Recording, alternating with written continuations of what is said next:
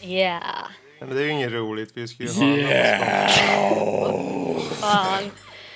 Ja, ja. Nej. Nej. Åh nej.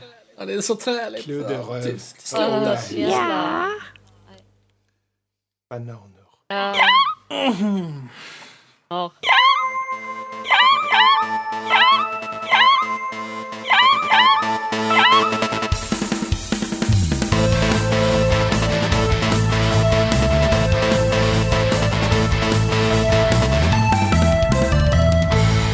Hej och välkommen till Nördliv, en podcast om spel och nörderi av alla dess slag. Eh, vad fan är dagens datum? Dagens datum är den 3 november 2017 och det här är avsnitt 139. Med mig så har jag Fredrik, Danny och Sara. Hello. Yay. Dagens avsnitt ska handla bland annat om eh, Mario Odyssey, Assassin's Creed, eh, lite mer Nintendo eh, på nyheter. Eh, veckans diskussion är Coop vs Multiplayer. På övriga nördämnen ska Fredrik prata om nya Tor-filmen. Och så, så rundar vi av med lite lyssnarfrågor och en tävling. Så va, kort och koncist, dagens avsnitt. Så You're the allesammans, man. välkomna! Välkomna. Tackar. Jag, känner, jag känner att den här, det här avsnittet kommer om 20 minuter för Kalle. Han liksom raka rör, nu kör vi liksom. Inget sån här skitsnack emellan. I love it. Ja, men du vet, det jag, jag bara liksom anpassar sig till vår publik som kan hålla uppmärksamheten uppe så det händer saker hela tiden. Bara, Oj, klick, titta en ekorre. Ja, sa du? Oj, titta en ekorre sa jag. Aha, oh, jag älskar ekorrar. Ja, De är jättegoda på spett. Ja. Ja. det var nog inte riktigt det som Sara syftade. Jag tyckte om hennes respons. Bara, Do. Do.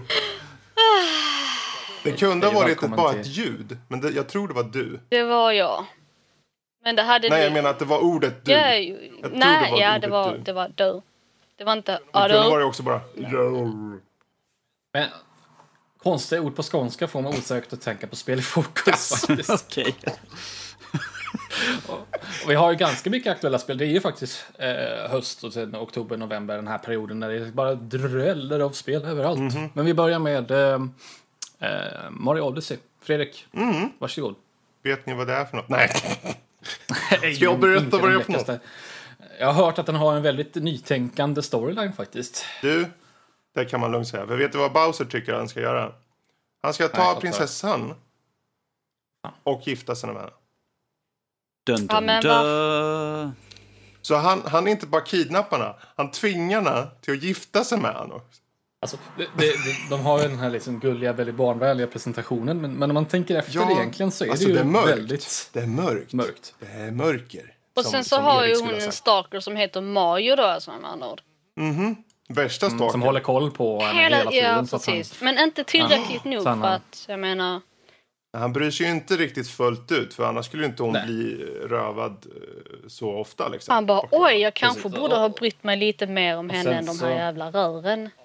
Av någon anledning så måste han gå runt och samla massa pengar och månar i det här fallet för att det ska, liksom, han ska lyckas rädda henne till slut istället för att gå direkt dit, kanske ringa polisen. Han tar en jävla Det är omväg. ju faktiskt inte bara prinsessan som blir kidnappad. För av en ren slump så råkar det finnas en slags alien som råkar se ut som en spökhatt. Eh, som Just det. också har en partner och den partner blir också rö- bortrövad samtidigt. Och är då eh, typ som en tiara på prinsessan Peach. Så där får ju oss då komma in på vad Mario gör. För Mario, han, kommer, han måste ju såklart jaga efter. Men då får han hjälp av den här slags spökhatten, den här killhatten.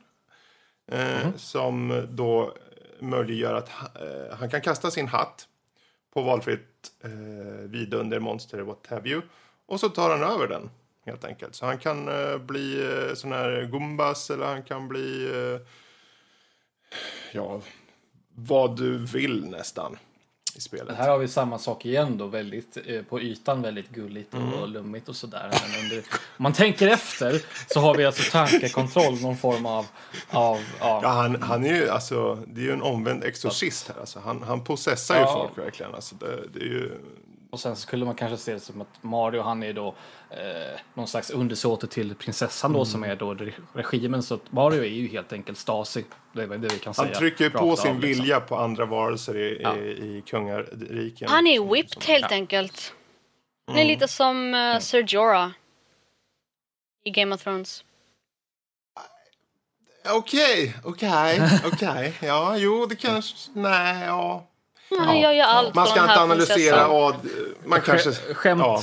om storyn åsido, är det fortfarande ett bra, plattf- en bra plattformar? Du, fortfarande?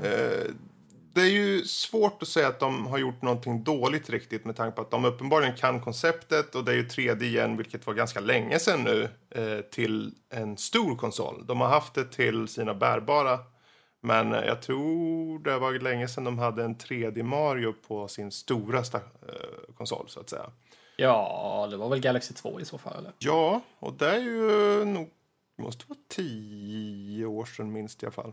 Folk får rätta mig eller mejla in och så. Men som spel i sig, du får väldigt varierade spelvärldar med massor med hemligheter som vanligt. Eh, och trots att du nu har gått ifrån till och med liv och sånt, du har bara pengar som du tjänar ihop. Och dör du så tappar du 10 guldmynt istället. Vad händer när man får slut på mynten då? Får man ta ett lån då eller? Typ, man kommer, det är svårt att ens komma dit för du hittar ju mynt hela tiden när du respawnar. Då tar, då bara börjar om med några mynt liksom. Det är inte som, som Sonic då, så att så fort du blir skadad så förlorar du alla mynt. Sån. Nej, Bara nej, 10. Nej, nej, Just Generöst. bara 10. Ja. Ganska billigt. Men det, det är ju gjort som så att du... Alltså, banorna har utmaning i sig. Det är just det här plattformselementen i kombination med pussellösningar eh, som görs väldigt bra. Eh, sen kan väl jag säga det att för min del så har jag kört den till eh, ja, nästan 100% typ 97 har jag kört det här handhållet. Eh, jag, har ju, jag har ju kunnat köra det på, på tvn och så också och då får, blir det ju lite snyggare också. Men det ser väldigt följsamt och fint ut på... Om jag minns rätt så flyter det på väldigt fint ändå. Om jag, bara, om jag minns rätt nu så folk får väl eh, skrika in och mejla in på oss och rätta oss igen. Men det är en lägre upplösning handhållet men det är fortfarande samma FPS som jag Yes, minns de, de kör Fortfarande 60 FPS igenom. Det är jätteimponerande tycker Hur, jag. hur, länge, hur länge kan du sitta med, med handhållet och alltså, spela spelet? Ja, eh, spelet igenom, vilket är 10 timmar plus. Ah, Mm, okej. men, tänkte du Alltså, batteri, jag tänkte batterimässigt? Ja, du menar batterimässigt, liksom, i- Ja, det, den, klar, den kanske klarar två timmar, Ja, två och en halv. Någonting. Det är väl ganska Ja. standard egentligen. Det var likadant med Ja, Zelda. Ja, och det är ju, det är ju dessutom eh, som spelkonsol så den, den har ju mer kraft som den behöver visa upp på skärm. Så två timmar är egentligen ganska bra ändå kan jag tycka. faktiskt. Det är väldigt bra. Eh, Ja. Och det följde ju med, för jag köpte ju en sån här Pro-controller så följer ju med till den en uppladdningskabel och det är ju samma kabel som man har för att ha till konsolen. Så jag, jaha, då har ju jag en sån kabel. Så jag pluggar bara in och ligger och spelar liksom, vart jag vill, hur jag vill. Eh, jätteskönt. Väldigt bekvämt sådär. Verkligen. Sen så körde jag förvisso med Pro-controllen och oavsett hur du kör så är ju kontrollerna väldigt flinka, snabba, responsiva utav helsike. Och det är ju självklart, FPSen hjälper ju verkligen till där alltså. Du vänder på ett öre och du känner att du gör det på ett öre. Det är inte någon lagg av något slag. någonting som jag ser fram emot är det här nästa ja, ADGQ-omgång när de ska spela det här spelet. Mm. För att, redan nu liksom, har jag sett, sett sinnessjuka saker folk kan göra. Mm. Man kan ju hoppa på väggar, du kan, hoppa, du kan ju slänga den här hatten och så hoppar man på den Precis. hatten och sen så hoppar du på en vägg och sen så hoppar du på hatten igen. Exakt. Alltså, det speedruns i det här spelet. Uff, uff. Ja, och det är ju en, kul att du sa det, för just hatten där, det finns ju som vanliga, vanliga Mario har ju här ett hopp, dubbelhopp och sånt. Typ. Men här kan du verkligen använda dig av hatten i olika saker. Liksom. Inte nog med att du tar över eh, varelser och så, så kan du ju använda den då, precis som du sa där med att få Mario hoppa till högre höjder eller eh, andra aspekter. Du kan också, en stor aspekt är också att byta hur han ser ut, för du kan hitta massa outfits. Eh, som är också aningen anpassade för en viss eh, miljö också. Så om du kommer till eh, en ismiljö, så om du har tjocka kläder så står han inte och fryser till exempel. Eh, Vilket han uppenbarligen gör när han står med badbrallorna i islandskapet. Eh, bara sådana här små detaljer gör att det får mer liv i det. Det är märkligt att de ändå har tagit sig tid till att skapa. De har skapat animationer för när det är varmt. Då står han still och svettas och torkar som pannan. Det känns så här, okej. Men eh, överlag så det, det är ett... Alltså det, det är jättebra kontroll spelmekaniken och grafiken i sig är det är ett av årets absolut bästa spel. Jag, man vet ju, för varje, varje liksom podd eller varje sajt som tar upp det, alla bara hy, hyllar det och så. Är det perfekt? Nej, det är inte perfekt. Det finns en del saker som jag fortfarande stör mig på just när det är 3D Mario. För det är ju viktigt till exempel att hoppa. Plattformningen i det är ju, du måste komma exakt rätt i rätt tid så att säga. Och i och med att 3D gör att det kan bli ibland svårt att avgöra avstånd så är det ibland någonting man får nöta om och om igen på vissa banor. Men i och med att du inte har det här med livsystem och så, så du kommer alltid kunna klara det. Även om du behöver tänka till och kanske göra om strategi. Och det finns, ibland finns det olika vägar att nå nivåernas slut också, vilket är intressant. Så för min del så kan jag säga att det här är ett jättebra spel. Jag rekommenderar det starkt. Så. Mm en eh, killer-app, en systemsäljare. Ja, ja köp, köper man eh, switchen så, så är det här ett spel man måste ha. Ja. Det bara så. Så nu har vi i alla fall två stycken killer-apps. Hur lång, hur lång tid alltså, tar det att köra igenom det? Om du kör som jag, med bara, kör efter storyn, plockar allt eftersom lite, lite grejer och så, så är det kanske 10-12 timmar. Eh, men efter det finns det ännu mer gameplay, för det finns ju, du kan låsa upp gömda banor och du kan låsa upp fler dräkter och grejer och framförallt hitta mer, mer de här så kallade månskärvorna som är då vad som gör att man kommer till nästa nivå i, i initiala spelet. Eh, men du kan hitta upp till 450 sådana. Jag kanske har 100 någonting, 120 ja. någonting. Men det är lite som i tidigare Mario-spel, behöver inte alla stjärnor eller vad som. Nej. Så på en bana kanske du kunde hitta, det står att du kan hitta 52 stycken månskärvor. Men jag hittade 12 för att komma vidare till nästa bana. Okay. Mm. Till exempel. Så det finns massor med hemligheter och saker. Det finns jättemycket replayability ja. antar jag. Ja, verkligen. Och de har varierat gameplay för du har till exempel den vanliga 3D. Det finns moment där det blir 2D Mario också. Mm, på men det, är, det är jätteballt. Det är jätteroligt där. Ja, ah, ja, det får räcka det finns, det, ja, men det är häftigt. Så, Danny, är du vaken? Ja, jag är vaken. Jag satt och lyssnade på vad ni pratade om. Mycket bra. Nu ska du få höra rösten och uh, prata om Assassin's Creed Origins. Assassin's Creed Origins, yes. Jag har tyvärr inte kunnat fått allt för mycket tid som jag sitter med lite andra saker. Men jag har under nattetid suttit med och spelat lite grann. Kunde låta bli såklart. Uh, varför sova när man Varför sova när du kan spela istället? Och under nattetid suttit och spelat Assassin's Creed Origins. Uh, där vi får inta rollen av Bayek. En, en uh, Magi i Egypten, vilket det nya spelet utspelar sig i. Medjay är en, eh, vad ska man kunna säga, han är en väktare av folket. Han ser över och försöker hjälpa alla han kan. Eh, och han är ute på i början av spelet så är han ute på jakt efter eh, lite hämnd för mordet på sin son. Eh, man slängs ganska brutalt in i, i, i det på direkten när man spelar spelet, vilket du också kan hålla med mm. om Fredrik, när man ja, startar verkligen. upp spelet. Att det liksom, jag bara, har jag missat, klickade jag på någonting så att jag hoppade det, förbi? Exakt så tänkte jag också. Jag tänkte, vad fan, nu har jag missat något. De pratar om saker och ting som har hänt och, och sen kommer man till där liksom. Mm. Men det, det, det, är en ganska brutal eh, öppning liksom där på spelet. Att man, man bara, jag känns som jag missar någonting med att det är liksom så du ska göra för att det det är ett sätt att liksom få in folk, liksom att nu blir jag intresserad här, vad, vad är det för något som har hänt, nu måste jag ta reda på det här. Mm. Uh, och som inledning i Wolfenstein. Både ja och nej om man säger så. För, för det är väl en fråga om hur väl det utförs i så fall. För det är ju börja mitt i storyn, in medias rest som det heter på fint språk.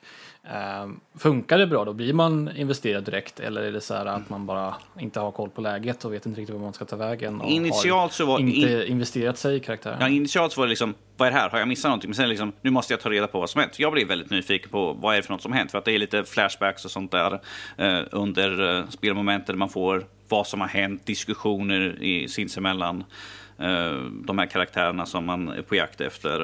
Eh, så jag, jag, tyckte det var intressant i alla fall. Fast var, man blev jävligt fundersam när man startade upp det som sagt. Det var okej, okay, jag har redan tagit upp på en av snubbarna jag är ute efter.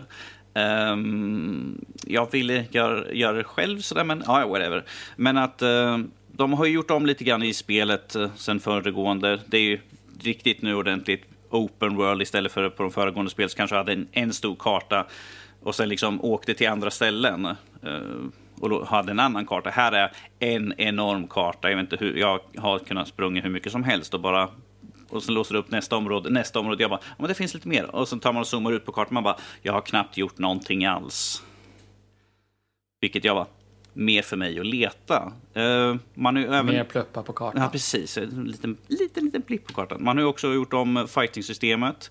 Uh, nu är det ju levelbaserat, eh, till skillnad från förra spelet då du kanske hade en, en fiende och sen hade en, en lite starkare fiende. Det var typ en, en vanlig fiende, en big tough guy som kanske var en lite mer, li, kunde ta lite mer stryk. Men här har du liksom baserat på vilken level eh, gubbarna är så kanske du tar betydligt mycket mer stryk. Så man gäller att ha kollat på, har jag, är jag tillräckligt duktig för att kunna ta mig an den här snubben?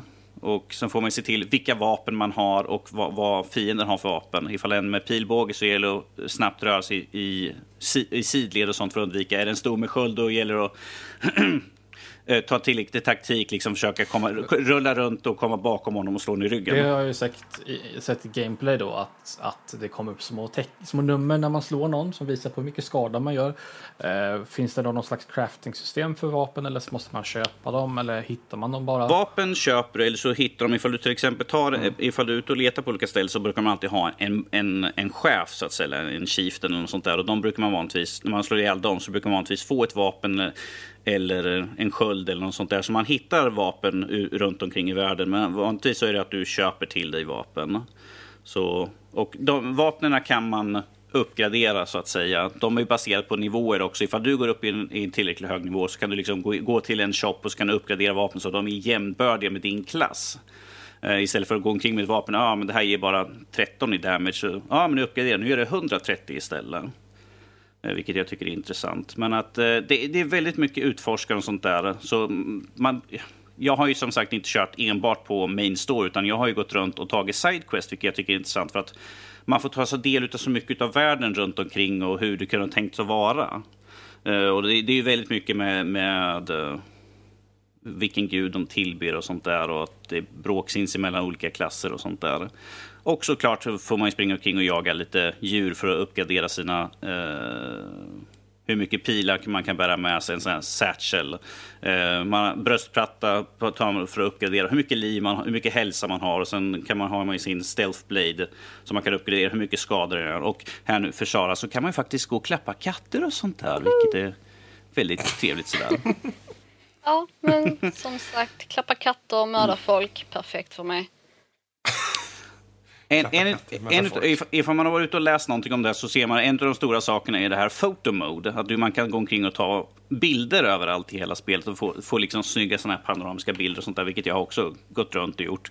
Du går, det är verkligen man, i ropet nu för varje spel. Det hade ju Super Mario också till exempel. Mm. Ja. För det här är liksom, du klickar in uh, tror thumbsticksen och så får du liksom en sån här camera mode. Du kan liksom snurra runt din karaktär liksom och zooma in och ut bäst man vill för att få den optimala bilden. Och sen liksom blir den... Det finns ju Shadow War också. För mm.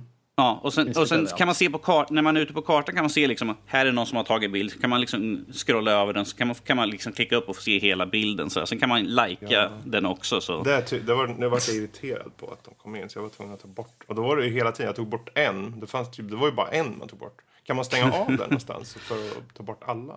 Jag tror inte, jag har, inte jag har faktiskt inte varit inne och kollat efter det. Jag, det är ingenting som har stört mig i alla fall. För jag, jag tyckte... Eller så drar man ut internetsladden bara så löser man det problemet. Kanske. Ja, det känns bara så onödigt. Vad ska jag se andras ja. folks screenshots? Det är ju en spelupplevelse liksom.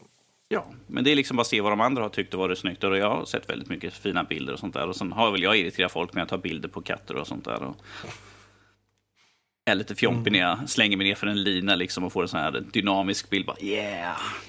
Det är, det är ju rätt vanligt eh, att de ska involvera social media i, i spel och sånt där. Jag vet när jag spelade Final Fantasy 15 så var det också så att man kunde ladda upp alla möjliga men, grejer. Ja, men det är, det är som i Dark Souls också. Du kan lämna meddelande och sånt där. Här är liksom, du tar en häftig bild eller en snygg bild och delar med dig. Det är ju alltid kul. Ligger den på din karta liksom.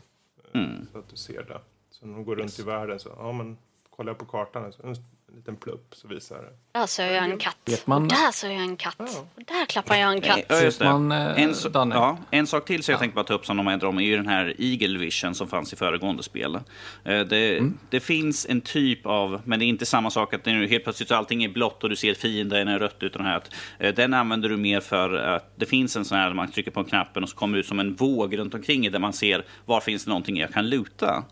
Eh, mer för att se vilka det är dina fiender och sånt där så använder man sin eh,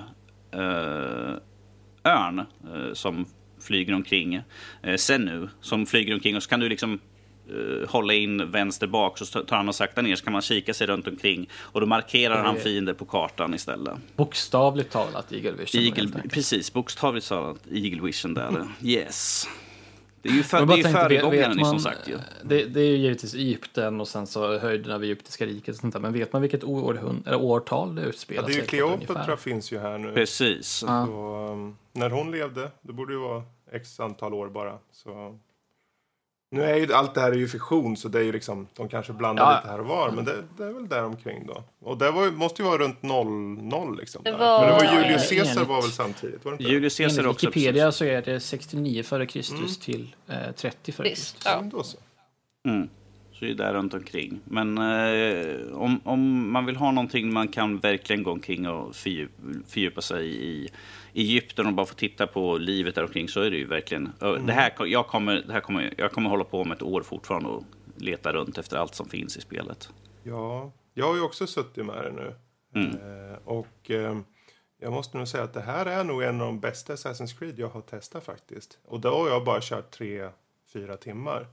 Eh, men det är väl just därför, i och med RPG-systemet och eh, lite av de här aspekterna. Det känns för mig när jag bara, det här är ju Far Cry direkt liksom. Det kändes väldigt Far Cry, eh, fast i tredje person. Det passar mig perfekt kände jag. Och sen storyn på en gång, involverande, snyggt hanterad. Eh, väldigt snygg värld framför allt. Sådär. Eh, som sagt, jag har bara kört några timmar. Jag kommer att göra en recension på det här vad det lider. När jag hunnit gått igenom Ni mycket eh, mer. båda kört på Xbox eller? Nej, jag kör på PC. Ja, ja. Ja, Danne, du kör Jag på kör på Xbox, självklart. jag. Vad annars? Din lilla Eh, konsol. Det här spelet kan man ju köra även om man inte har kört några förr. Det här, ja, precis. Ja, för det här, det här är ju starten till eh, The Brotherhood of Assassins. Så det här är ju liksom Det- föregångaren. det- Så här, du behöver inte ha kört något av de andra, för här har de gjort om allting. Så det är liksom, go for it. Det behövs inte. Det finns alltså säkert vissa detaljer som man kan snappa upp och snabbare om man spelar tidigare spel. Så har det ju mycket med eh, kristendoms, alltså bilder och ikonografi och sånt där från kristendomen till exempel Mm. eller vad som helst. Men eh, det är ingen måste, det kommer säkert, man fattar ju det ändå till slut. liksom. Mm. Eh, Och något som jag också märkt är att det är ju liksom lite, eh, man märker av liksom hur det är. För det är väldigt mycket romare och sånt som är med i, i spelet. Och sånt där. Och de ses ju som högklassen. Så man får helt, det är ju därför man, man, hela tiden så slåss man mot romare. Nästan känns det som att liksom försvara dem. För att alltså försvara de egyptiska befolkningen mot romarna som kommer dit och liksom tycker att de, vi är så mycket bättre och allt sånt där. Så det är ju lite grann av klassystem där också. Man får se, se hur världen var då. Vilket ja, vi antar det. jag antar det, Det- precis. det är ju ändå- jo, men jag antar att de har gjort sin lite research i alla fall. Ja, men, men, det, men som sagt, spelen är alltid liksom med en liten twist på alltihopa. Det jag tycker som, som sagt det bästa är ju själva... Det är ju en lootfest av, sin, av råge egentligen. Lectathon. Mm. Ja, alltså jag tyckte det var skönt. Nu förvisso den här första banan, liksom, den är ju ganska liten i jämförelse med det, som kommer sen. Men ehm, det finns ju en del saker att hitta liksom och så. Men det är ändå contained känns det som. Som att det är liksom, på en plats finns det tre stycken treasures till exempel. Ja, du hittar dem. Så den är liksom lite klar sådär. Ja, precis. Man får upp att man, när, man hit, när man hittar så här, det finns frågetecken på kartan när du kommer dit så säger de ja, men du hittar det här stället och så finns det liksom på den här platsen finns det x antal saker att hitta. Det, och så finns det finns sådana uppdrag. Ta död på kaptenen på det här lägret och hitta tre skatter. Och sånt där. Så när man har gjort det, då kommer det upp liksom bing, avklarat. Så Precis. man bara, jag behöver inte komma tillbaka hit igen. Nej, det tycker jag är jätteskönt. Och, och Det här med att ta död på kaptener känner jag igen från något annat spel. Jag kan inte riktigt sätta fingret på det just nu. Låt oss gå tillbaka till eh, gamla hedliga Shadow of War. Vad säger du, Kalle?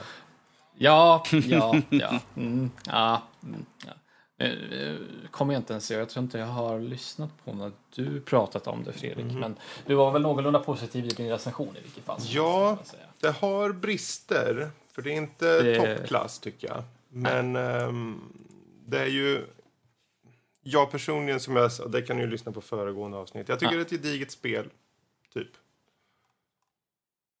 Det är väl ungefär den, den punkten jag landar på också. Eh, jag har väl kommit, jag har väl spelat vad då, jag vill säga åtta timmar vid det här laget. Jag har fångat det första fortet där. Ja, just Så att jag vill inte, tekniskt sett så har jag inte kommit så långt alls, utan jag har väl kanske 80% kvar eller något sånt där. Jag vet inte, något sånt. Eh, Det är ju typ bara 88. fyra fort eh, storymässigt. Så. Eller tre kanske. Men, men i vilket fall som helst, så det, eh, det, det kommer många frustrationsmoment och mycket onödiga RPG-system och sånt där. Det här tycker jag att man ska hitta nya svärd och rustningar och sånt. Det känns väldigt krystat. Eh, Fighting-systemet, nu, nu när man gjort Talion, eh, mycket snabbare, mycket rörligare och sånt där, mycket mer agil kanske man skulle kunna kalla det. Så, så blir det här problemet med att man fastnar på andra objekt ännu mer. Precis. Liksom, eh, överdrivet om man säger så. Han, han kan springa mycket snabbare hela tiden nu. Man kan ju kuta runt hela banan i 180 knyck hela tiden. Men då fastnar han på, på gubbar och han hoppar upp på, på väggar och grejer när man inte riktigt vill. Och det är någonting som nu när jag märkte i det här, det upplevde jag inte i Shadow of Mordor. Men i det här spelet så, så kände jag att det saknades en move från ett annat spel. Som är väldigt likt, alltså om man säger combatmässigt. Och vi har ju pratat mycket om vår älskade Witcher 3 mycket.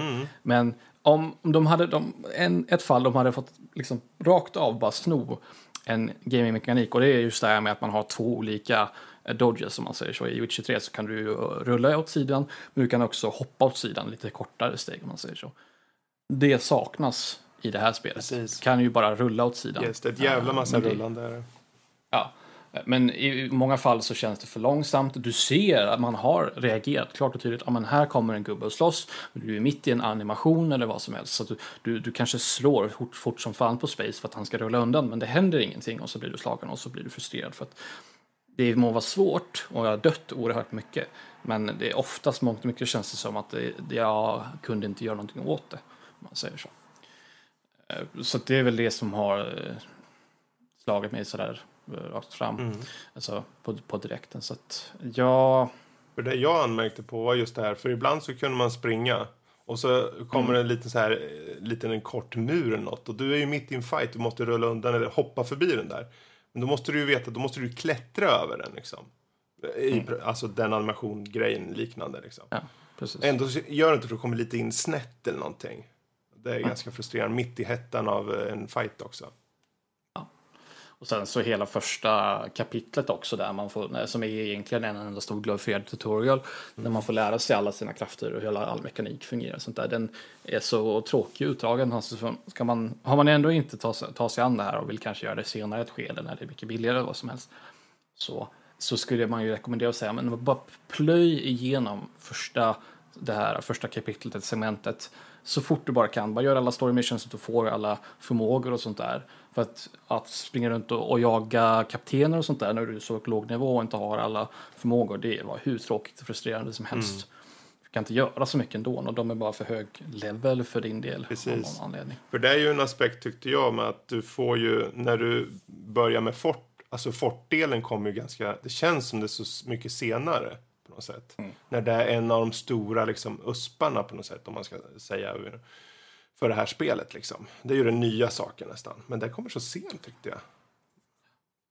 Och sen så ren principsak också. Du skrev i din recension att du hade inte känt av det, men bara ren principsak också att man har lootboxes i ett single play-spel. Det smakar lite dåligt för min del. Ja, verkligen. det påverkar eller inte, det är en annan sak. Det viktiga där är ju just att, att se att det inte påverkar spelet. Och även om det finns till exempel, så här, det finns ju XP-boost man kan få. Man kan ju såklart få bättre orcher för sin armé då för fortövertagningar och sånt. För du kan ju köra efter du har kört klart storyn kan du ju köra eh, online typ. Precis. Det var det enda klagomålet inte. som jag har hört. Eh, just att det, det spelar ingen roll när du kör main storyn. Alltså det här har jag bara tagit från någon annan recensent. Det är inte någonting som jag har upplevt själv eller så. Men det som han påstod i alla fall var ju att det, det, det märks inte av under main story när du be, betar av allt, alla storyuppdrag och sånt där.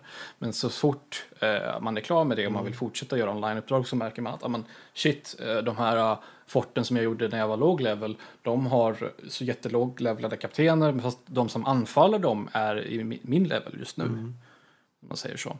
Eh, Så då blir det helt plötsligt, ja men jag har skitsvaga kaptener jämte mot de som attackerar. Så antingen måste jag grinda sönder dem för att de ska Och ta över dem liksom för att nivå. kunna. Ja, ja. Eller, så, eller så har man ju då givetvis alternativet att köpa kaptener Mm. eh, som är rätt level. Då. Och det är väl det enda som jag har hört att det faktiskt spelar roll på riktigt. Eh, sen får, kan man ju fråga sig om att ja, men, ja, men det, det är väl en viss pay to skip eh, aspekt som man säger så.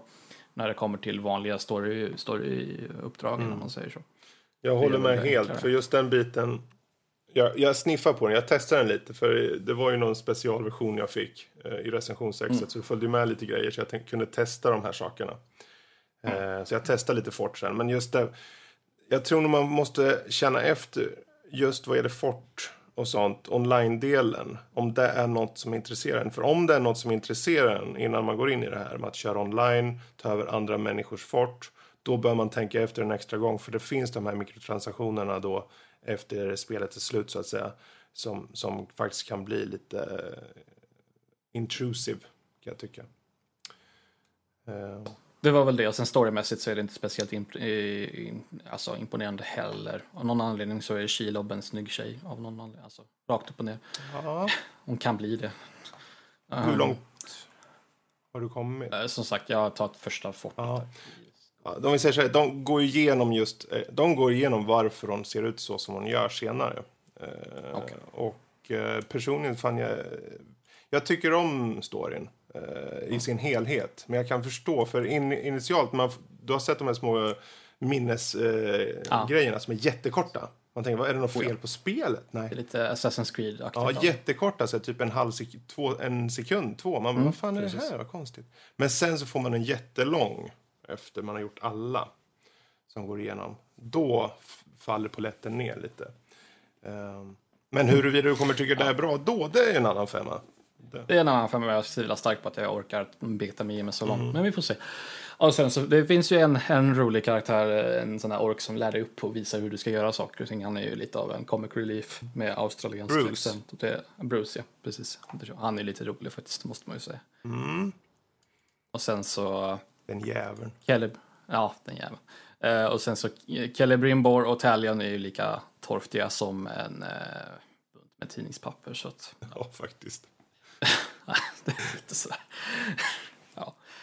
Eh, jag skulle säga köp det här om ett eller två år när det är Steam-rea och det kostar 15 euro. Ungefär så jag gjorde med Shadow of Mordor. Det är väl det jag tycker det är värt, om inte annat. Ja, jag skulle nog säga köp det nu. Skulle jag säga. Ja. Om ni, om, det enda problemet jag ser med spelet är att det är inte lika bra som första. Nej, det, det, För det hade ett sug i sig på något sätt. Oh ja, det det var väldigt riktigt. där. otippat också om inte Ja. annat. När de kom ut och visade upp det här, Shadow of Mordor, och det kommer att ha ditten och datten och de alla, alla tänker bara nej, det där kommer ju, f-" jag, jag tänkte det i alla Mm. fall, det här kommer ju floppa totalt, det är ingen som kommer vilja. Men så visade det sig att men, det här har ju, alltså, väldigt vettigt och det var väldigt kul också Mm. och det hade den Nemesis-systemet. Och, Ja. För om du får, som du får ju fem, jag fick 55 timmar och sen så kommer du till de här, eh, när du är klar liksom. Eh, och du kan köra vidare med, med eh, online och det. Men 55 timmars speltid för typ 390 spänn eller vad det är. Ja, ja, det är helt rimligt. Kan jag tycka. Men men. Gött mos. Men, men Vi skulle inte prata Wolfenstein va? Nej, det, det kan vi ta nästa Mm. vecka i så fall. Vi tar- Vi tar det liksom som en DLC, vi tar bit för bit sådär och säljer ut det långsamt så vi får mer.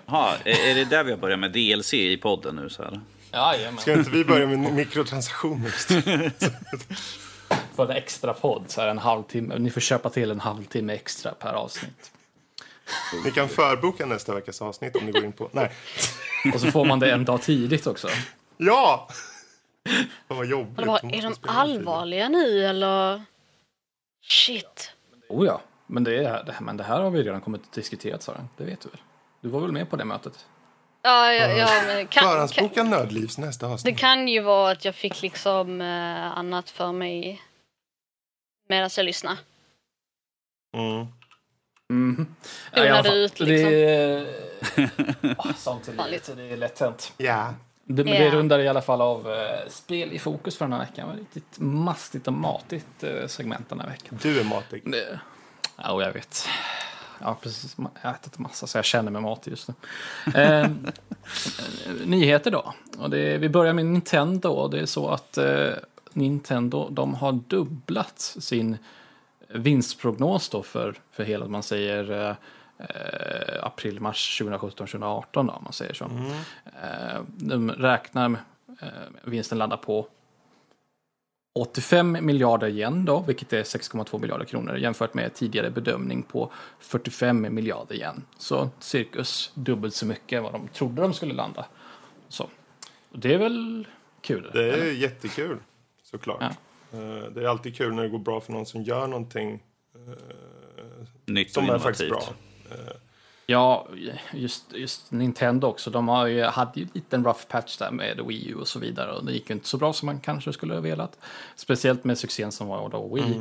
Ehm, och men sen så just Nintendo, de är ju på både ja, både nytänkande och inte. Visst, de har sina spel som alltid kommer tillbaka. Men jag tänker just på konsoldesign och sånt där.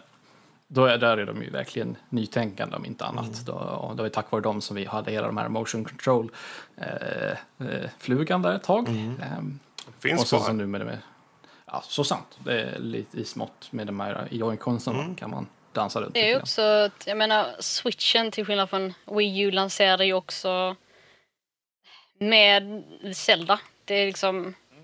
eh, Mm, Plus att sedan kommer ett nytt Mario-spel och Wii U hade tyvärr inte samma Ja, ehm, lansering som, som, Nej. som switchen har Nej, det haft. sant. Eh, Wii U hade ju ett intressant koncept. Det är bara det att eh, Ja, för vem? Alltså, Det det gick inte riktigt hem eh, i spelväg och så. det var ju vissa enstaka spelare som använde dubbelskärmarna riktigt, riktigt, riktigt bra. Som typ, jag kommer alltid tillbaka till Affordable Space Adventure. Den gjordes ju riktigt bra. Men en satt och styrde med skeppet på, på pekplattan och sen så en var en flög skeppet på tv-skärmen. Riktigt, riktigt eh, kreativt användning av, eh, av eh, skärmarna om man säger så. Men eh, jag tror också mycket på grund av eh, Zelda och sen som Mario, det säljer Ja. så att säga. Och eh, Oh ja, med tanke på mycket. hur, hur bra de här spelen nu har varit så och sen så nu switchen har varit ute, vadå, ett halvår nu eller när släpptes Ja, det måste ju ha släppts i samband med Zelda som kom typ där i mars-ish. Någonting. Ja, 3 mars till och med. Okej, så den var ute strax över ett halvår då. Eh, och sen så nu är det ju Holiday Season nu som kommer jul. Så det lär ju försäljningen säkert skjuta lite i höjden. Så att, eh, initialt så känns det som att eh, switchen gör väldigt, väldigt bra ifrån sig. Kommer Ja, att resultera i mycket. Det känns ju ovanligt att säga det, men de har ju, ni var inne på det just med titlarna. Som folk säger, Mm. om det finns, för nu när jag skaffade switchen eh, tänkte jag, men fan det finns ju knappt något att spela. Men när jag tittar på eh, rosten så finns det ganska mycket. Sen gäller det att kunna ha pengar att köpa de spelen såklart. Men um, Zelda, Splatoon, Mario Kart 8. eh, och jag, jag skaffar Mario plus Rabbids Kingdom Battle och kör. Eh, Ja. Som vi kan prata om en annan gång. Ehm, men det finns massor med spel som jag egentligen inte hade koll på. För att inte tala om alla indiespel som finns. Det finns massor med där också. Men den, de, de håller det levande tror jag på det sättet att de släpper med ganska bra intervaller. Men det kommer under tiden massor med småspel hela tiden. Ehm, men det är ju jag, fram, framförallt, jag tror prognosen, den är, det är kul att se att de prognoserar så bra. För då tror de verkligen på att det kommer komma fler titlar och det kommer komma mer snack om konsolen. Så det kommer fortsätta att sälja. Så det, det är bara kul att se verkligen. Generellt tycker jag det är kul att se Nintendo back in the game så att säga. Mm. De körde jättemycket på eh, 3DS nu eftersom Wii U inte riktigt funkade. Så det, det är kul att se att de Precis. äntligen liksom kan eh, komma tillbaka. Ja. För det, jag tror problemen med Wii U var väl mycket titlar. Man kände inte att det fanns någon titel som drog in en liksom. Nej, precis. köpa den. Och den kom ju så anonymt i sig också. Ehm, Men um, nu har de En liten... x antal udda. stycken titlar som kommer varje månad. Och sen utöver det så kommer de stortitlarna med kanske två, tre månaders intervaller. Mm, Ja. ja, ja, kul, kul. Ja, ja. Kul att höra. Ja, ja. Kul att höra. Ja, ja. Vidare i veckans spelnyheter så är det så att eh, EA har valt att förändra hur loot-systemet, lootbox-systemet har fungerat i eh, Battlefront 2. Då. Eh, om man säger så, tidigare så var det ju just det att eh, det, den stora punkten var väl just med de här star cardsen då som, man, som var eh, kort och koncist förbättrade förmågor och sådana saker då som man verkligen behövde för att göra det bästa skeppet eller den bästa karaktären om man säger så. Eh, de var tidigare bara möjligt att komma åt via lootboxes, så där random, random loot, loot drops och så vidare. Eh, vilket är, kan ju anses vara väldigt sådär orättvist och pay to win och så vidare. Eh, men nu har det ändrats om, så att nu går de och eh, crafta de här star cardsen då. Och sen så måste man också ha nått en, en viss rank då för att kunna crafta dem och så vidare och använda dem. Just för att eh, göra det hela lite mer rättvist. Och om man lägger in tiden så kan alla eh, få komma åt de här starcardsen. Det är ju det som är det viktiga i den här. Att oavsett om du betalar eller inte så kan du komma åt de här starcardsen. Eh, en, en sista punkt var väl också egentligen att, att vapen och sånt eh, eh, är genlåsta bakom eh, liksom spelarmilstolpar om man säger så. Istället för att de, de eh, skulle kunna låsas upp genom då lootboxes igen. Då. Så det är väl det, de lyssnade till kritiken helt enkelt. Hör och häpna. De backade lite när det gäller eh, lite, de lite mer absurda eh, systemen vad gäller lootboxes och sånt där. Och det är väl skönt. Till och med kolossen EA kan, kan, eh, kan ändra på sig efter Ja, liksom, Speciellt en sån verkligen. sak alltså, som eh, ja, handlar om eh, och så att, och att de faktiskt lyssnar. För det är ju lite det som är grejen med betatest också. Att hur funkar systemet liksom? Eh, hur håller det upp? Eh, vad får spelarna att tycka om det och vad får dem att bli förbannade? Och eh, känns som att jag har gjort ett bra beslut och lyssnat på eh, frustrationerna om eh, loot då. Mm. Ja, helt rätt. Annars tror jag att, att Battlefront 2 eh, multiplayern skulle nog dö av ännu snabbare om det inte var för den här förändringen då, om man säger så. Det är ju nog ingenting som jag kan absolut veta, men det är en sån där sak man har lite på känn att, att eh, med den här förändringen så kanske det lever lite, lite längre. Folk kanske inte tröttnar så fort som de kanske hade gjort om andra människor kanske hade sprungit runt med eh, OP, obalanserade vapen och så, som man inte kan få tag på genom att spela spelet vanligtvis. Ja, och det är ju inte lång tid kvar nu. Den 17 släpps det. Så vi får...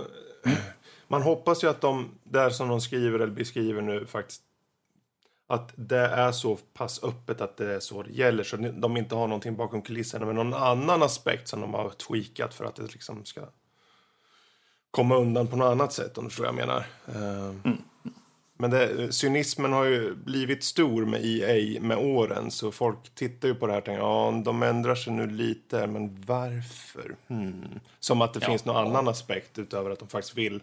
Jag tror ändå, Få jag att tror ändå att få- eh, folk är jäkligt trötta på liksom, eh, att behöva betala för saker och ting. Eller liksom att behöva eh, känna att man måste spendera en, en viss eh, extra tid för att få något eh, visst. Hålla liksom, att vara upp till par med de alla andra. Man, man, det känns liksom att eh, när jag sitter och spelar ett spel och jag mot all förmodan vill sitta inne på multiplayer till exempel. Jag vill kunna eh, hoppa in och vara på samma nivå som alla andra. Eh, som casual gamer till exempel. Utan att behöva ja, bli irriterad. Helt rätt. Men det finns ju inte så mycket mer att säga där, utan det rundar väl av eh, Mm. nyheterna egentligen. Ingen har, Danne, du har ingenting att tillägga på den Nej, alltså jag, jag tycker det var skönt att se och plus att det kan ge spelet mer spel, lite mer liv, att folk faktiskt måste arbeta för att få saker till. Vilket betyder att de måste spela mer i spelet, vilket gör att de kanske hänger kvar längre än vad, än vad liksom, Ja, om jag köper allt och nu filtrerar det ut lite bland spelarna. Det kanske låter elakt att säga så, men det kan bli skönt att bli av med folk som är såna som bara köper till sig för att bara mosa noobs, som du förstår jag menar. Ja. Jag tycker det är bättre att de som är engagerade som spelar längre är kvar och de som tappar intresset som försvinner inte bara köper till sig och sen kör vidare bara för att de kan. Utan Låt det filtreras ut naturligt. Det tycker jag är jättebra. Så var det med det. Yes. Då går vi vidare till veckans diskussion då, vilket är Co-op versus multiplayer, vilket höjer väl lite av ett frågetecken för att Co-op eh, kan ju vara multiplayer och multiplayer kan ju vara Co-op, men då menar man just, alltså menar man just Co-op där man sitter och spelar tillsammans mot datorn då typ, och multiplayer där man sitter tillsammans och spelar mot andra spelare då, är det, är det så man tänker eller? Bara för att för, förtydliga det hela. Det väljer vi nog själva hur vi vill. Eh, Den är ju öppen, den, den frågeställningen i sig. Eh, Men det är ju just, i och med att det står versus så antar jag väl att co-op är det här, sitta i en soffa tillsammans och multiplayer är online med andra, bara, bara online liksom. Ja okej, så vi, det är just soft eh, Co-op också som, som Jag tror det är där den har ursprungligen Ja. kommit ifrån. Ja. Men eh, vi kan ju tweaka den lite som vi vill. Vi gör det on the fly. Yes. Mm. Vad har vi för inledande punkter här då? Det är väl inget speciellt. Det finns väl inget rätt och fel svar i Nej. den här diskussionen. Nej. Jag har rätt och ni har fel. Envise Danny. Nej. Envise gamle Danny. Och man kan ju bara kolla på eh, hur det faktiskt ser ut idag. Ser vi mer co-op idag eller ser vi mer multiplayer i, i just onlinebaserad eh, jag med alla andra online? Eller är det faktiskt betydligt mycket mer klassisk co-op, du sitter med en kompis och spelar i soffan? Det känns som att det är mycket mer multiplayer idag. Alltså Ja, på det det får jag väl hålla med om. Det är oerhört svårt att, att ställa den frågan faktiskt. För jag har sett lite både och. Ehm, killar på jobbet till exempel Mm. som har Playstation kanske och då spelar de mycket Fifa och sånt där. Och då sitter man ju tillsammans eh, och spelar. Så. Ja, så där har vi ju couch precis. aspekten. säger. nu är ju det att man behöver liksom inte sitta i soffan bredvid varandra för att kunna spela Nej. co-op också. Tidigare så var det just en, en liten teknisk Exakt, begränsning och nu ja. finns det ju... Ja. nu är det ju mer så, nu är det mer öppet för eh, eremiter som till exempel jag. Eh, om jag nu vill vara social så eh, känns det ju alltid skönt att det finns co-op-grejer där ute. Det jag kan bli mer irriterad på när det gäller eh, co-op, det är mer typ eh, det, det ska liksom pressas in co-op-element i single player stories till exempel. Du menar som i Far Cry 5? nu har jag ju inte spelat Far Cry 5, vi men till exempel Vissa funkar det bra på, vissa är det, kan man ha jättekul på men eh, om man spelar en, ensam kan man ju alltså känna av att det här, okej, det här är egentligen gjort för alltså, att vara två personer som kanske till exempel Dead Space 3 och, det är och sådana någon, så här. någon form av kompromiss där, där det verkligen är det ena eller det Ja, andra. jag, jag känner så här, märker man inte av det är det ju jättebra. Uh, märker man av det som till exempel Aliens Colonia Marines där typ tre AI-personer följer efter en och ser helt döda ut och så här. Medan man då försöker avancera vidare ensam. Eh, så. Det är hemskt. Men har man en kompis att spela så blir det Exakt, har man det, har man nu det Mm. så är det, kan det vara jättekul. Eh, Jag har ju spelat många spel som jag har typ haft jättekul och sen så har jag gått tillbaka och sen så har jag spelat igenom det själv och man bara, vad tyckte jag det var för roligt med det här då? Som till exempel Borderlines. Eller Borderlands eller vad de nu heter. Ehm, det, det, för mig tycker jag inte det är kul att spela dem ensam till exempel. Nej. Oh, oh nej. Oh, herregud. Då är det ex- nej. Jag spelade igenom första Borderlands själv och det var så Ja, tråkigt. det är jättetråkigt. Men sen så spelar man det med någon Ja. kompis och man bara, men det här kan ju vara jättekul. Så att säga. Ja, co-op eh, i sig är ju nästan en, en spel... Eh, alltså det som spelmodell förutsätter inte att spelet är bra nödvändigtvis. Utan du kan spela egentligen vilken skit som helst för det är ju ditt, de du umgås med som, som gör spelet bra. Upplevelsen Som i- i sig. Ja, som, som Aliens där, Colonial Marine som du vill ta upp. ja, ja, ja, ja. Men eh, jag, jag tror till och med där så kan du få en bra upplevelse. Vi har ju snackat eh, om det. Så. Ja, men jag tror det, det är väl det som är en nackdel också för eh, det, det är nog det värsta jag vet när folk säger om det är jättebra det här spelet. Jaha, okej, hur är det, vad handlar det om? Ja, jag vet inte, jag körde i co-op. Mm. Eh, Ja, men det, det representerar egentligen inte spelet. För du kan köra som sagt ett skitspel och det kommer alltid vara kul ur bara co-op-aspekten. Om kan- du tar bort den aspekten, då är det inte kul och då fallerar det. Men oftast när det gäller multiplayer-spel så måste de, by- då bygger man ju oftast på ett annat sätt. Och då är det oftast en speltyp som skiljer sig liksom. Ja, Men, för, eh, för där, där kommer jag ihåg, för du och jag körde ju något, åh, nu kommer jag inte ihåg vad det här spelet hette för någonting, men det var ett spel som du och jag spelade och det var nog ingen, det var ju ingen höjdare att köra själv, men när du och jag körde tillsammans så var det kul för att vi båda fallerade ihop, eller vi lyckades ihop och det var ju mycket roligare då. Sen kunde vi sitta och svära bäst vi ville tillsammans om fienden och sådär. Men att jag, jag, test, jag kommer tyvärr inte ihåg vad spelet hette, men det här är ju massvis med år sedan. Och sen när man körde själv, liksom, man bara, vad är det för skit vi spelar? För då satt jag, för då satt jag och försökte, liksom storyline, jag bara, det här är ju nonsens. Det här är liksom, vad är det för skit? Kan det ha varit Fear 3? Nej, Nej, nej, det nej. var ju bra i singel. Det här, Ja, men, det här, var det också... Ja, ja. Jag tänkte mer på storyn där liksom att... Mm. eh, ja. Åh, du, jag springer omkring med min döda bror eh, som ett spöke här nu. Hmm. Och vi ska försöka hitta våran mor som bär våran syskon Exakt. Ja. som vi ska eventuellt ta död på eller göra till en gud. Vänta nu. Hmm, vänta. Ah, what? Hur mycket? Men Oh, man kan ha nej, det var- jättekul med det tillsammans med en annan kompis. Då, Ja, ju och då förbiser man allting som har att göra med typ story. Utan då handlar det bara om game, gameplay. Och oftast Mm. med multiplayer till exempel, det handlar också bara om gameplay.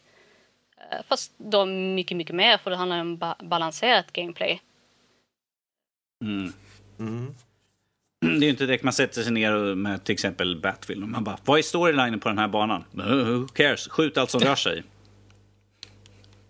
Eller hur, Kalle? Ja, men det finns ju en djup Ja, nu försök. Go on, försök här nu. Eh, Försök eh, övertyga Ja, mig om det. Annars, är ett bra, alltså. nu för tiden ett bra exempel just på bra multiplayer skulle jag nog säga Overwatch då. Eh, för att det känns lite fräscht. Eh, det känns som att de har balanserat ganska bra. Och eh, du har ju på sätt och vis små mini-stories eh, för egentligen varje karaktär i nuläget tror jag. Med de här videoserna och allting. Så om du vill kan du få lite story. Men det är ju inte det som är det viktiga såklart.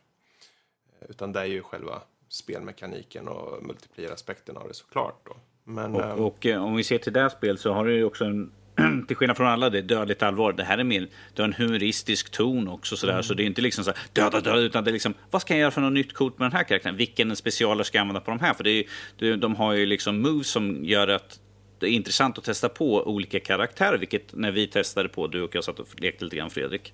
Eh, Och jag hade ju aldrig spelat det förut och jag bara, vad ska jag ta nu för karaktär? Men vad hade den här för cool specialer och sånt där? Det var ju mer, inte, det var ju kul liksom, då, jag tycker, för er som har hört, jag tycker inte om multiplayer. Jag är så dålig så att jag har liksom No, men det här var faktiskt riktigt kul för att det fanns så mycket man kunde leka med. Och, eh, även om vi körde mot andra, jag dog hela tiden kändes som. Men när man väl lyckades, när jag väl lyckades, då var det ändå bara liksom, det här är ju det bästa jag någonsin spelat hela mitt liv. Så. Precis. Och- Här, förlåt att jag avbryter, men Ja, det är okej. eh, Co-op versus multiplayer. Jag tror det som multiplayer har en fördel på där är ju att det är tillgänglighetsfråga ibland. För när du sitter i ett spel, precis som Sara sa, ibland så kan ett spel vara uppgjort just för att vara ett co-op-spel. Antingen Mm. så kör du med urusel AI som fuckar upp spelet åt dig eh, och du får en dålig upplevelse. Eller kör du med en kompis. Det finns bara det. Men i multiplayer-spelen som är i Overwatch fall så är det så pass lättillgängligt i sin form redan. Att även om du kör med kompisarna eller du skiter i dem helt eller hur du än gör så är det lättillgängligt oavsett. Medan Mm. co-op-läget, du är fast med det liksom. Du kommer inte kunna wiggle your way out of it. Utan det kommer bli en ganska dålig upplevelse eh, i många fall. Tror jag i alla fall. Eh, Sen är det ju såklart, om, det som jag tycker är kul nu, vi har ju A Way Out som kommer nu till, jag vet inte om det är till våren och så. Eh, när är det den kommer? Vet du redan nu eller? Jag har inte någon koll rakt upp och ner just nu. För det, den i alla fall, den är ju en, den är gjord för att vara ren co-op verkligen. Och då har de gått in för det. Det tycker jag är bra ändå. För då har de gjort ett ställningstagande. Det här ska vara en co-op-upplevelse. Det är nästan värre när de säger ja, men det här är ett spel, precis som Sara jag sa en gång. Men det här är ett spel som är singel, men du, du har co-op. Vi har vävt in co-op. Men det funkar aldrig liksom till 100% kanske eh, superbra då. Mm. Det står bara nu våren 2018 så. Mm. Men, men ja. Um, jag har ju själv inte spelat uh, Overwatch till exempel, men jag, varje gång jag ser någon spela det så är jag jätte, jättenära på att köpa det och, och spela det. Och som jag, exakt som Danny, hatar multiplayer. Uh, och då har jag ändå spelat uh, CS uh, way back till exempel och sådana saker. Men Mm. i dagsläget så jag tycker, inte- jag tycker inte om det och jag tror det har mycket haft med att göra med, med community, alltså spelens community eh, har Precis. varit väldigt, väldigt toxic.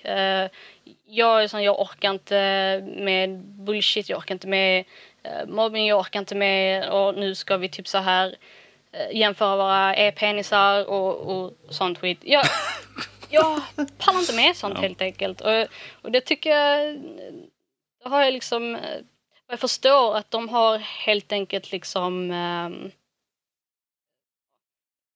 Overwatch eh, verkar i alla fall inte vara så. Eh, Att när man är där inne och spelar att eh, Nej, det i regel var det ganska bra. Och det är ju lätt att ta bort alla röster och sånt också så man inte hör någon. Liksom. Det är bara att hoppa in. Det är ju just att det är så snabbt och enkelt att hoppa in i matcher liksom. det, ser, det ser attraktivt ut. Mm. Eh, för min, eh, nu är det ju rätt, eh, typ så här, vad ska man säga, mer komisk Mm. Art style, men ändå väldigt snygg. Eh, Mm. och, ja, jag, jag sitter bara sitter och lyssnar på, till och med typ Danny kan tycka om ett, ett multiplayer-spel för mig och blir helt... eh, Till och, med jag, till och med jag lyckades spöa skiten ur någon. Ja, Sen, ja. sen mördade de mig 15 gånger, men jag, jag hoppade runt och skuttade bäst jag ville. Liksom. De fick jaga mig då. Men Kalle, vad, vad säger du? Du som ändå är den av oss som är faktiskt mest inne i just multiplayer-scenen och så. Eh, hur känner du inför just de här två olika delarna, co-op versus multiplayer? Vad, vad tycker du är fördelarna med varje sida? Liksom? Ehm, det finns ju definitivt ingen som är bättre än den ena eller den andra liksom, utan det är väl snarare vad man vill ha ut av en spelupplevelse just då. Eh, och multiplayer det är väl eh, om man nu söker efter den, vilket jag ofta gör, så verkligen är den utmaningen. Counter-Strike eller eh, Overwatch eller vilket multiplayer, competitive multiplayer, vad man nu väl väljer, kan ju vara väldigt, väldigt utmanande till en, den grad att du eh, tappar hoppet om livet tänkte jag säga. Nej, men man blir väldigt less om man säger så. Speciellt k- CS när man eh, spelar och får dänga. Det känns som att man, det spelar ingen roll vad man än gör utan det blir, går bara åt helvete hela tiden. Sådär. Så att det är väl det då. Men Kalle, om du köper en, de här lootboxen så kanske det blir mycket bättre i så fall. Ja, Ja, alla vet ju ju dyrare skins man har på CS desto bättre är man. ah, ja precis. Ja. precis. Det. yes. Viktiga grejer det. Mm. Ehm, d- Men när det kommer till multiplayer då så får man en lite mer avslappnad upplevelse som man skulle säga. Alltså man kan ju fortfarande, igen beroende på vad man spelar, få en utmaning men det blir inte riktigt samma det här med att man eh, gör liksom, man, eh, hur man än anstränger sig, hur man än vänder och vrider på det så lyckas man inte ändå liksom. Det blir inte riktigt den upplevelsen. Eller man kan styra det mycket mer om man skulle vilja det. Man kan styra svårighetsgraden om inte annat. Och sen så som man säger, man får ju lite samma upplevelse som man vill då med multiplayer, alltså att man kan gemenskapen och spela tillsammans och sådana saker. Man kan få både och där om man skulle vilja det. Men eh, då föredrar jag väl multiplayer i så fall, just för utmaningar. Um, och det kan ju vara värt att nämna, att- och det var du nog inne på lite där med just. Det beror lite på vilket typ av spel du gillar såklart i grunden. Vissa typer av spel kanske lämpar sig bra för co-op eller vissa för multiplayer. Men om du gillar typ eh, CSGO, den här competitive gaming, då är det ju per automatik nästan ren multiplayer i många fall. Liksom.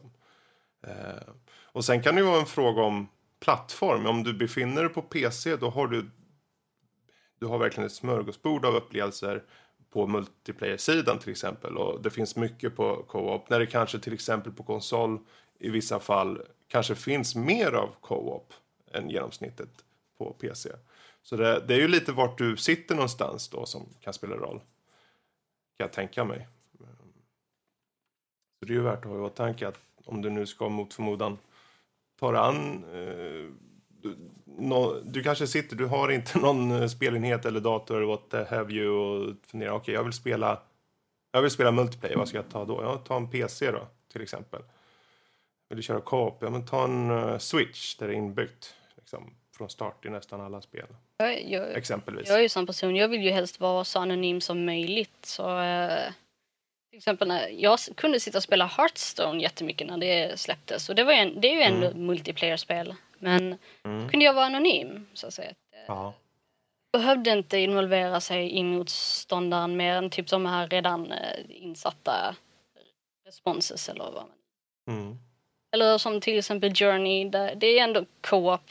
Eh, men eh, liksom, man behövde inte prata med den. Det enda man hade det var sin egna lilla ton så att säga.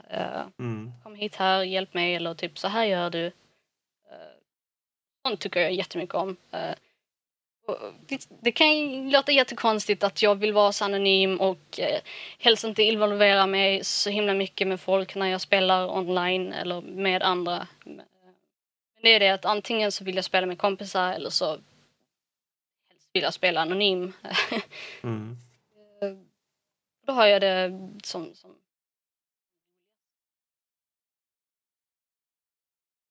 Medan andra tycker om att liksom andra kanske inte bryr sig alls. Andra tycker om att sitta och skrika åt andra medan de Jag försökte att inte säga det, det helt enkelt. Det var, jag, bara, jag, kan, ska jag, inte, kan, jag kan säga det. Jag, ska inte, jag säger istället. Ja, ja. Men det, det, är lite den grejen jag fick till exempel när jag, jag spelade mycket CS när, när jag var yngre och uh, innan uh, typ så här Steam blev jättestort så att säga. Uh, och sen så köpte jag CSGO och, och hoppade in där och eh, hade en massa ryska människor som typ skrek i örat på mig jättemycket och jag bara... Det här är inte kul. Ingen Nej, kommentar. alltså liksom... Det var så, så, så stor skillnad jämfört med den upplevelsen jag hade då. Uh, CS var liksom när det kom ut och, och så här, uh, till skillnad typ nu. Uh, bara, det är synd att jag inte sitter och tycker om det spelet som jag hade jättekul med förr. Behöver man nästan fem manna för att det ska Exakt, vara ja. Men. Så blir det för mycket tjafs. Ja, ja, mycket tjafs. ja, det är inte lätt. Nej. Nej. Men det rundar väl egentligen av veckans diskussion va? Mm. har inte mycket mer att tillägga vil, vil, Vilket vann? Co-op eller multiplayer? Multiplayer, givetvis. Då säger jag co-op. Single player. Ja, precis. Single player vann. nej. Uh, nej, jag ska nog gå sätta mig och läsa en bok istället. Single player offline mode vann nog. Ja, exakt. Mm. Läsa en bok uh, är ju single player offline mode galore. Och jobba, göra något produktivt. ah, nej, nej. Skit. Sitta och spela, nej. Jag, jag tror jag ska gå och klappa en katt istället. Jag ska äta en banan. Jag ska klappa två katter. Jag ska alltid vara, ska ska alltid vara Fredrik värst. prata på våra övriga nämnen så ska Fredrik prata om Tor Ragnarök. Just det. Bra att du påminner mig. Nu får du gräva ordentligt i minnesbanken. Ja. Bara en stund. Ja, den ska, ska bota upp den. På. Ehm, 17 filmen i ordningen är det ju i MCU. De börjar komma någon vart nu. Det känns att de, de kanske gör någon bra film nu snart. Nej, jag skojar bara. Det är väldigt mycket bra där. ehm, men hur bra är då Tor på en skala? Ja, helt okej. Okay. Det är ungefär så, om man ska ha som ett betyg. Du, du, du menar att det har blivit väldigt blasé nu med Marvel-filmer? Att äh, det finns ingen riktigt som står ut efter den andra? så, så är det förvisso. Men deras mm. äh, lägsta nivå är väldigt hög, om vi säger så. Då. Äh, den här filmen då, det, det fortsätter egentligen där vi, ja, i storyn på det sättet att han då tar sig tillbaka till eh, Asgard, eh, eller Asgård menar jag. Och eh, tar reda på att det är Loke som eh, har fifflat där och Oden är borta. Eh, under tiden så bryter sig då eh, av vissa skäl eh, Hella, eller Hell som hon heter kanske på svenska, jag vet inte vad hon heter på svenska. Hon heter i filmen Hella, eh, eh, spelad av Kate Blanchett. Hon vill ta över tronen i Asgard, eh, tar sig dit, mosa mosar skiten ur det mesta. Eh, och mycket riktigt, som i trailern visat eh, så förstörs eh, Tors hammare. Men vad händer då? Jo, eh, både det ena och andra. Eh, det, det, filmen i sig har en hel del saker som händer med karaktärerna som definitivt kommer påverka eh, resten av filmerna som kommer. Eh, det händer ju saker med Tor i sig som eh, ja, eh, som inte går att backa på om vi säger så då. Eh, säger jag lite som en katt som går ren, runt het gröt. Um, det var filmens musik och eh, hur den ser ut. Väldigt snyggt, välgjord och så. Um, men den var inte så djup direkt. Det var inte som att man bara kom under skinnet och förstod bättre karaktären Tor. Utan de, han hade ingen resa på något sätt. Även om det händer saker som påverkar så blev inte jag i alla fall så värst så här, ah, nu, nu blir han påverkad på det här sättet. Trots att han rent fysiskt blir påverkad på många plan. Liksom. Men, vi, um, vi satt ju också och pratade du och jag mm. en kväll sen och du sa att du har väldigt mycket väldigt, uh, nu uttrycker man en bärsa one-liners skämt nej, och sånt nej, nej, där. De är jättebra men de används för mycket. Så det blir lite kaka på kaka. Eh, Taika Waititi som regissören, han har en väldigt speciell en väldigt speciell humor. Eh, som är ganska torr och svart. Han har egentligen en ganska svart humor.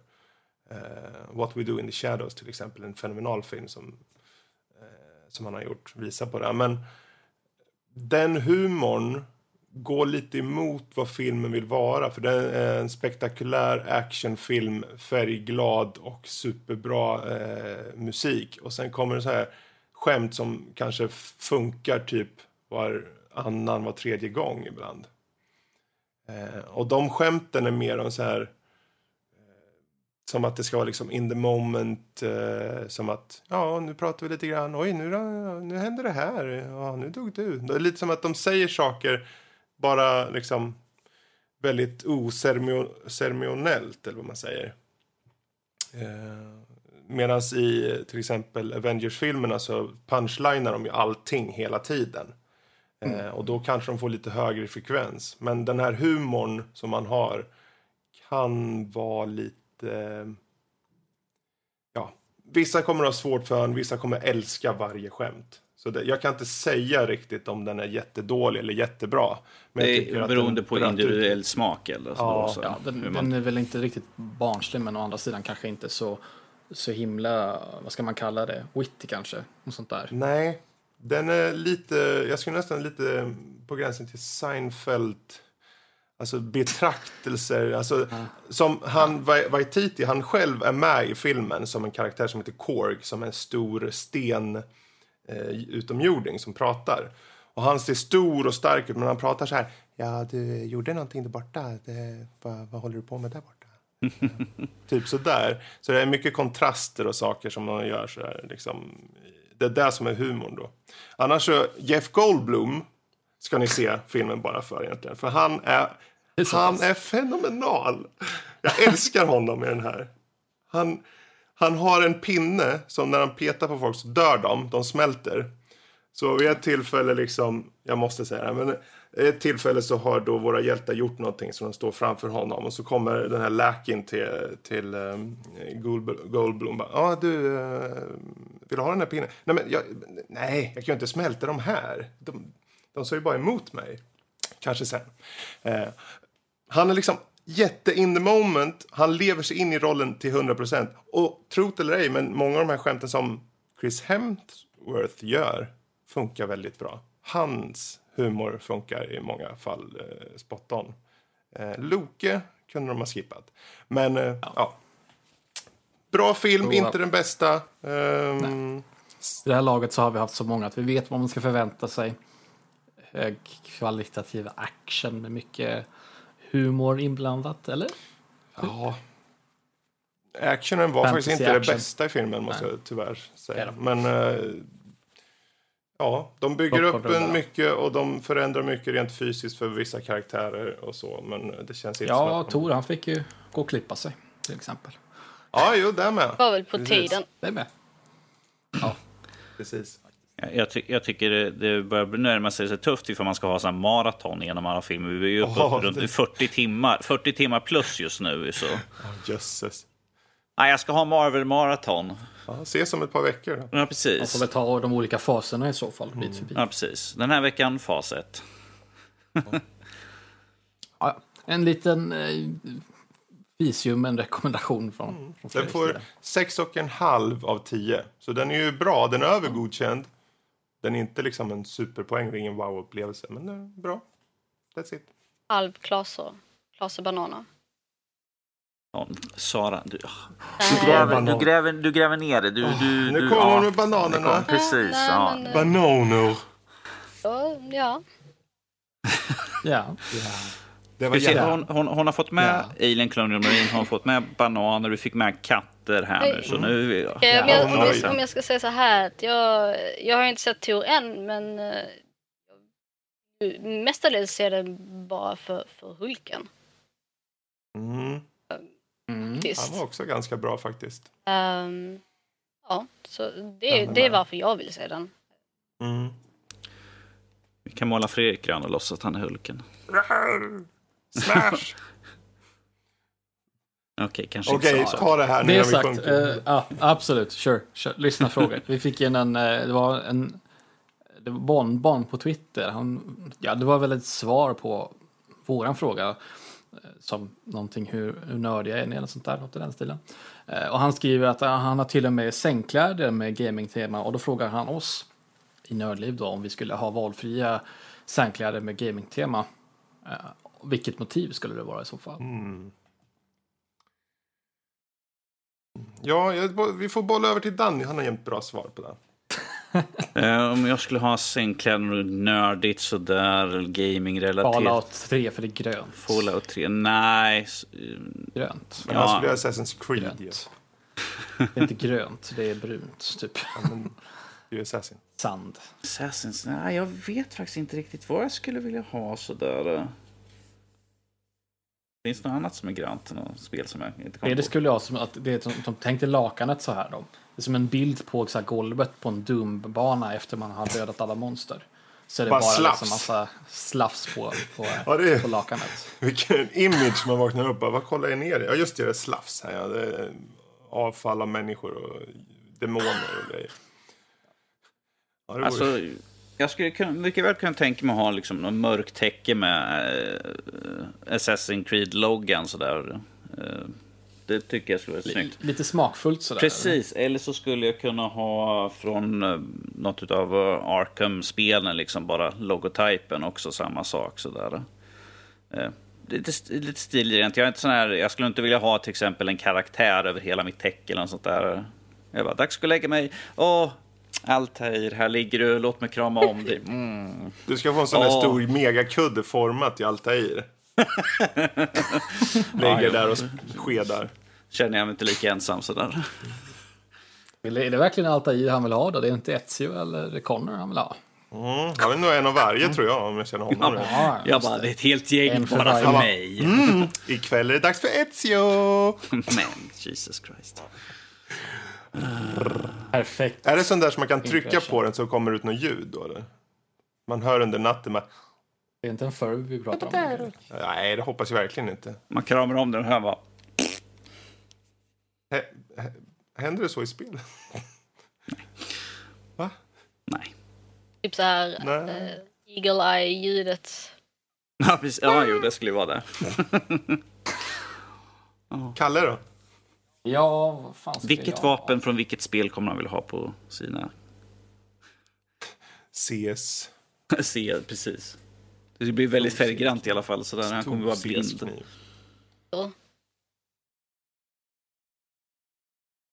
Det är ju inte riktigt sängkläder, men det får väl vara en sängaccessoar då i så fall. Under kudden där som man... Life-size kniv. En kniv. Karambit. Doppler Face 2. Det var Ni specifikt. som i alla fattar, ni fattar. Ja. Ja, ni som fattar, ni fattar. Ehm, Vi nickar bara håller med. ja, ja. Mhm. Mhm. Sara? Um, Diablo 2. Jävligt Ja. Mm. Ja, det. någonting Diablo 2. Fullkomligt godkänt. Ja, men det är Det finns många godkänt. snygga motiv där. Exakt, exakt. mycket, många snygga, till och med karaktärer tycker jag är snygga gjorda. Så om man Ja, likadant där, bara liksom ta en bild på golvet efter en. Ja, ja, ja Nu, precis. Eh, nu är du där igen med slafset. Du är värre än mig, Kalle. Och, och, och ju Ja, mer charms man har i inventory desto mer guld finns det överallt till exempel. Så, glitter. Mm. Nej men uh, Diablo-loggan uh, hade alltid varit coolt. Jag som trodde du skulle ha Final Fantasy, vad heter det? Final Fantasy World, när de är så här. Chibis uh, Chib- World of Final Fantasy. chibi-figurer. Ja, det, Precis. Ja, kanske- Alla karaktärer om, vi liksom ska är köra, om, vi, nej, om vi ska köra någon karaktär från Final Fantasy-serien, det är det Ja, det, här ska, det här är bäst att det är bra Ja, nu ja, ja, ja. Eh, Det är Mm. antingen Nanaki eller aka, a.k.a. eh, Red 13 från Final Fantasy 7. Eller Vivi från Final mm. Fantasy 9. Vivi. Ja, jo. Ja, Suverän de- karaktär. Absolut, en av de absolut, absolut bästa karaktärerna som finns. Exakt, exakt. Uh, Nanaki är typ bäst. Men vem vill inte ha uh, ett flame uh, svans, så att säga. När man är typ halvt, man säga, katt, halvt hund. Mm. Jaha, men då så. Det var väl det. Mm. Ungefär så. Ja, Det var kan jag sista också liten- säga. Nej. Ja, just det. Absolut Du, inte. du fick ju en av mig. Donkey Kong. Jag, fick ett förstå- jag kom på flera stycken. Jag tänkte, först tänkte jag, men du, tänk vad coolt det skulle vara. Du vet SimCity 2000 typ. Att man har landscapet av SimCity bara på typ eh, täcket. Eller varför inte typ Anno 1404 eller någonting. Man ser den här snygga världen på täcket. Eh, å andra sidan, ett snyggt färgtema är ju eh, typ Fallout 4 skarpt blå med gula delar så här. Och så lite diskret någon liten logotyp här och var. Ah, det skulle funka. När det gäller... Text. vi Fredriks säng. säger teman så gillar jag Zergs från. Lila. Så mycket. Eller vänta, var det de som var lila? Lila och brunt Eller det kanske inte var de? Ja, de var väl lila. lila? Ja, jag har för mig det. Zerg, ja. I alla Jo. fall eh, expansion 2 där. Den var väl rätt så lila. Jag minns helt fel. Annars får jag väl höra det sen. De- Men de är, de är lila. Och det gillar ju En jag. världskarta från Civ. Det är tecken. Där, Det- där ja, ja. kom det. Men Jag väntade vilket på att det Civ? skulle komma Civ. Det, för mig går det tvåan bra. Tvåan går bra. Fyran går bra. Femman går bra. Trean går bra. Ettan går bra. Du inte har Gandhi då? Nej, den där jävla Gandhi skjuta sig Det, själv. det, det är ingen som vill ha en sån här eh, Hata Gandhi. Sims, Hashtag. Sims-värld som på täcket. Och så en snattlampa är liksom den här eh, grejen de ovanför huvudet. va? Ah, ja. Nej, jag kör nog på Civ alltså. Det blir det. Ja. Det eller SimCity. Så då vet jag vad jag ska köpa till Fredrik julklapp. Gandhi. Ja! Nej! Hashtag kill Gandhi. Är det också en sån Kalle, här som en det här Eller? nu. Gå vidare nu, Kalle. I helvete heller. Det är kul, vi mobbar Fredrik här. Bananer. Go, go Sara. Bananer. Nej. Det är lugnt. vi Nej, nu tyckte jag du gick mycket över. flugor som vi har haft i den här podden. Det har varit mårdar, det har varit ostar, det har varit ja, både det ena och det andra. Nu är det Skjutvapen på, gäller. på, på tecken och allt vad det är. Ja, Just det. Och skjutvapen, det för oss ju eh, osökt. Osökt in på eh, Call of Duty-tävling.